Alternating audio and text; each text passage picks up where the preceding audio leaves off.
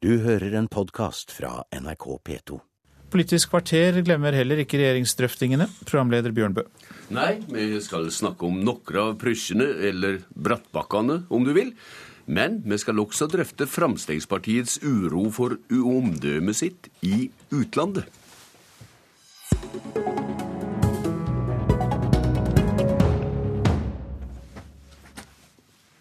Overskriften var eh, som følger eh, anti-innvandringsparti med eh, lenker til massemorderen Anders Behring Breivik er klar for å sitte i regjering under den konservative lederen Erna Solberg. Og det hele er da illustrert med et stort bilde av Breivik fra retten og et bilde av Siv Jensen. Like store, samme, samme type utsnitt.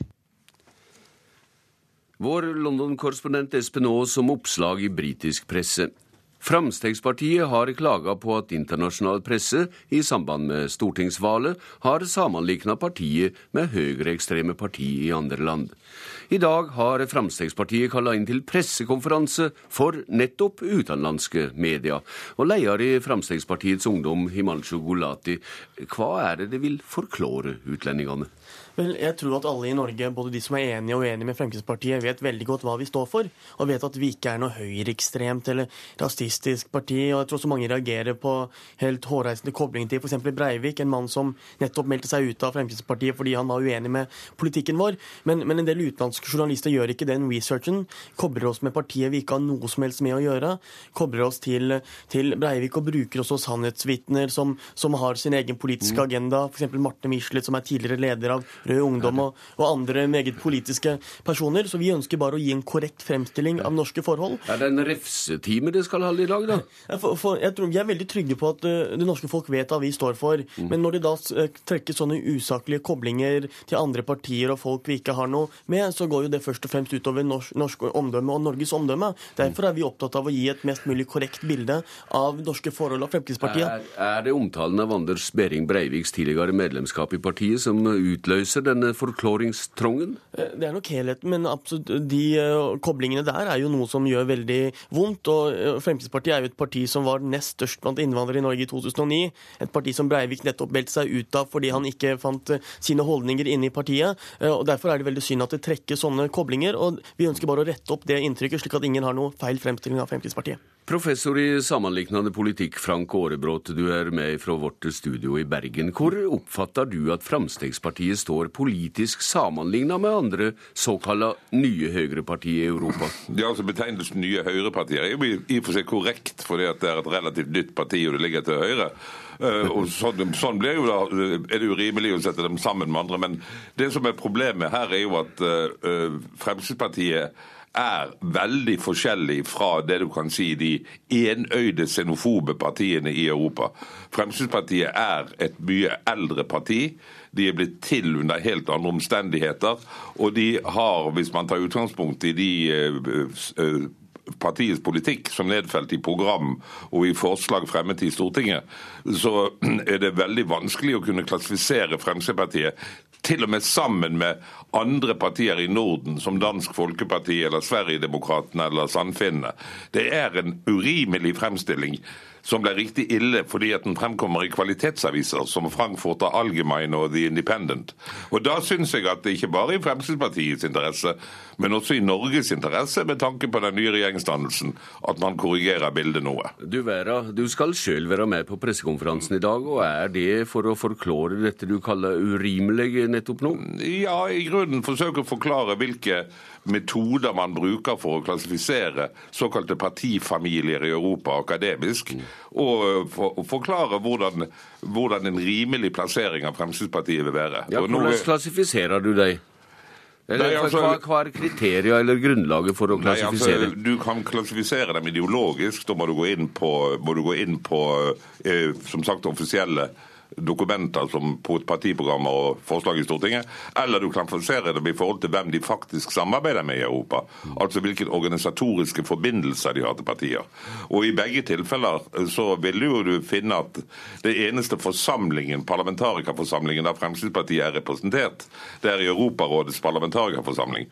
Og Der samarbeider de med det tsjekkiske partiet til Václav Klaus, ODS, og en gruppe engelske konservative parlamentarikere som er motstandere av EU. Altså de, de skyr som pesten disse partiene som vi da kaller for høyreradikale i Europa. Når ledende framstegspolitikere har advart mot snikislamisering, hvordan står slike uttrykk seg i høve til andre av det som blir kalla høyrepopulistiske parti? Nei, altså, Du kan si at enkelte retoriske utsagn i enkeltsituasjoner Eh, fra, fra, folk i Fremskrittspartiet, også i dette tilfellet fra Siv Jensen. Det bidrar jo ikke til akkurat imaget til partiet i utlandet. Det er etter min mening uttrykk som man bør være mer forsiktig med, særlig når man kommer i en regjeringsposisjon. Så det er, det er nok grunnlag, hvis man leser hva enkeltmedlemmer kan ha sagt, uten i og for seg å ha blitt korrigert av partiledelsen, altså, som hvis dette blir oversatt til utlandet, så vil det kunne gi et feilt inntrykk. Og det vil jo ikke heller stikke under en stol overfor journalistene. Himan Himanshu Gulati, Kjetil Wiedsvang i Dagens Næringsliv skrev lørdag at Fremskrittspartiet har endra seg fra et høyrepopulistisk parti til et petroleumspopulistisk parti. Er det et poeng du vil ta med til utlendingene? Jeg tror poenget er at Fremskrittspartiet ikke har noen tilsvarende parti i veldig mange andre europeiske land. og Det gjør nok også at en del journalister i utlandet har vanskeligheter med å plassere Fremskrittspartiet og plassere oss frem eh, feil. Men, men, men det som også provoserer meg, er at vi assosieres med partier vi ikke har noe som helst med. I Danmark så assosierer journalister oss med Dansk Folkeparti, til tross for at Venstre er vårt søsterparti. 14 ungdommer fra Venstre kom til Norge for å drive valgkamp for oss. Vi skal selv ned dit nå neste uke. Og også i England så, så skal jeg selv besøke Torien, de konservative, denne helgen. Men vi assosieres med andre partier. Men petroleumspopulismen er grei å ha på seg? at vi ønsker å bruke litt med oljepenger er vel ingen ukjent uh, sak, men, men, at vi karakteriseres som eh, høyreekstreme eller, eller rasistisk og den type ting, det tar jeg fullstendig avstand fra. Jeg tror du finner veldig få partier i Europa som er for en strengere innvandringspolitikk, men som også til tider har vært de nest største blant nettopp innvandrerbefolkningen. Mm. Årebrott, eh, Fremskrittspartiet er altså, som du var inne på, mange, på mange måter noe for seg selv. Men i hva grad er det noen fellesnevner for andre europeiske partier, eh, imellom deg altså, som altså Fremskrittspartiet ikke vil identifisere seg med? Ja, du må være klar over at det er noe, det er noe som synger bakom skolen skogene her. Mm. Og det som synger bakom skogene, er jo selvfølgelig den, er jo den politiske sosiologien. Altså velgernes sammensetning. Og her har vi et alleuropeisk fenomen. At holdningen til f.eks. asylsøkere og innvandrere har endret seg i alle europeiske land. Det har vært en økende skepsis til eh, ubegrenset innvandring i alle land. Og ulike partier har da hatt nytte av denne skepsisen, kan man si, ved valg. Fremskrittspartiet eier denne saken på mange måter i Norge. I andre land kan det være et helt etablert parti som eier saken, eller det kan være et høyreekstremt parti som eier saken. Altså, hvem det er som eier den følelsen av skepsis blant velgerne, er forskjellig fra land til land. Eh, Aarebrot, hva har egentlig internasjonalt omdømme å si for et eh, politisk parti? Ikke for et Jeg er faktisk ikke så spesielt bekymret for Fremskrittspartiets omdømme. Jeg, jeg er bekymret for Norges omdømme. Og jeg så jo hva som skjedde da eh, f.eks. Jørg Haidas Frihetsparti som faktisk var det gamle liberale partiet som Jørg Haider hadde kuppet, kom inn i den østerrikske regjering og EU svarte med kulturboikott. Eller det, de problemene den ungarske regjeringen i dag har med sin link til partiet Jobbik. For ikke å snakke om dette at et nynazistisk parti kom inn i den greske parlament og, og driver og pryler opp innvandrere iført på svarte uniformer i Atens gater. Det er klart at de, disse bildene skader jo er jo ikke det disse partiene de er bekymret for, men de er jo bekymret for disse landenes omdømme. Og det er jo Norges omdømme jeg er opptatt av, og jeg tror flere enn meg som ikke er fremskrittspartister, burde være opptatt av. Eh, Himanshu hva tror du Fremskrittspartiet og du får ut av møtet med den utenlandske pressa som måtte møte fram i dag? Men, uh, vårt ønske er jo at det pressen skriver om oss skal være riktig, og ikke feilaktige, usaklige eller hårreisende koblinger. Er det et parti som er vant til både motstand og usaklige angrep, så er det kanskje nettopp Fremskrittspartiet. Men når det skrives ting som er direkte feil, og trekkes koblinger som er helt hårreisende, så påvirker det, som Frank Aarebrot sier, ikke Fremskrittspartiet, men Norges omdømme, og det vil vi rette opp. Vi får se hvor langt det kommer dette. Takk til deg, Himanshu Gulati, og takk til deg, Frank Aarebrot, som altså er i Bergen nå og på vei til Oslo til Fremskrittspartiets pressekonferanse.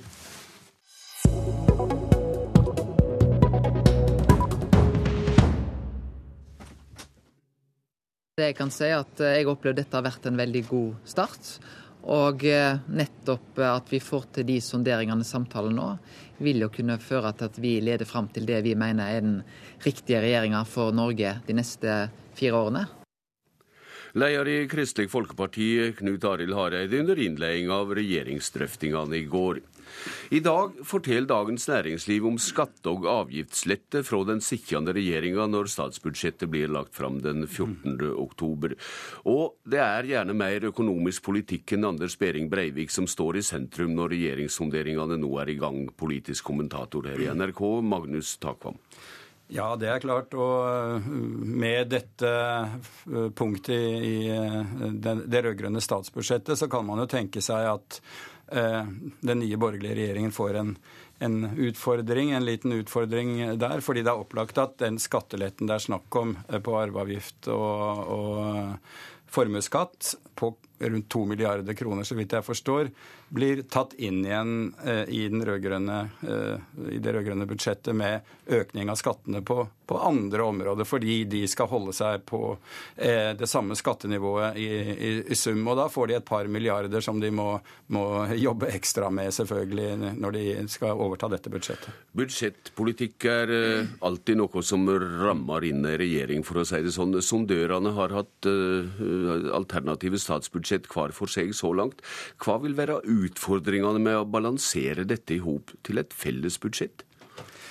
det er jo uh, klart at de uh, kuttforslagene som uh, la oss si Fremskrittspartiet har operert med i sine alternative budsjetter, der de har tatt svært store beløp fra landbruksstøtten og bistandsbudsjettene f.eks., ikke har flertall verken i, den fire, i denne firepartikretsen eller i, i Stortinget.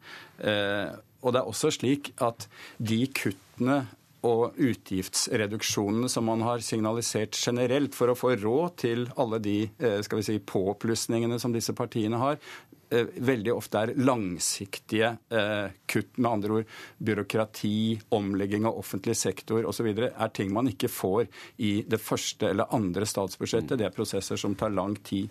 Så det å forene eh, alle ønskene disse fire parti, parti, partiene har, med en felles budsjettramme, er kanskje den aller mest krevende øvelsen de må gjøre. Det blir ramsa opp en serie med klare politiske problemområder mellom de fire sondørene. Hvor mye er forhandlingsstatikk, og hvor mye er virkelige motsetninger når det gjelder aktørenes spådom om vansker, når det gjelder Lofoten, Vesterålen, Senja og asylbarn til dømes? Ja, som en jeg snakket med sa det, alt som blir sagt i det offentlige rom fra aktørene her etter at valgkampen er slutt, er en del av forhandlingstaktikken. Så uh, man gjør lurt å ikke ta ting for bokstavelig. Det er f.eks. åpenbart at når Høyre og Erna Solberg sier at uh, for å få utsatt utbygging av Lofoten og Vesterålen, så må Venstre og KrF gå med i regjering. De kan ikke forvente det hvis de står utenfor regjering, er selvfølgelig et press på disse to partiene for å komme inn i en firepartiregjering, og ikke nødvendigvis et reelt standpunkt. Og Da er det naturlig å stille det spørsmålet som mange stiller, hva skal vi leve av etter oljen? Eh, de borgerlige partiene har skylda de rød-grønne for å ta dette eh, for lite på alvor. Hvor ser du det politiske spriket mellom sondørene her? Her, eh, dette er et av de spørsmålene som er i den langsiktige banen. Og jeg tror kanskje løsningen på, eh, på dette er altså det, det, partiene har sagt på forhånd om dette, er å satse mer på innovasjon, teknologiutvikling eh, osv. Men jeg ser for meg at de vil ha en utredning om dette med eh, hvordan man kan løse denne skal vi si, oljeavhengigheten og todelingen av norsk økonomi, og sette i gang en prosess der. Men kan miljørørsla og industrien på land, for å si det sånn, eh, finne felles interesser som sondørene ikke er merksomme på eller ikke vil ta omsyn til? Ja, altså Miljøbevegelsen og næringslivet eh, og for så vidt disse partiene kan ha sammenfall i interesser når de økonomiske interessene drar i samme retning som miljøinteressene. Vi har registrert en god del forslag f.eks. For om skatteinsentiver til investeringer i, miljøteknologi, både hjemme i boliger hos folk osv. Der, eh, der økonomiske skatteargumenter drar i samme retning som miljøinteresser. Og Det tror jeg vi vil se mer av i en kommende plattform. Mm. Takk til deg i denne omgang, Magnus Takvam. For Politisk kvarter, det er slutt. Jeg heter Bjørn Bø. Du har hørt en podkast fra NRK P2.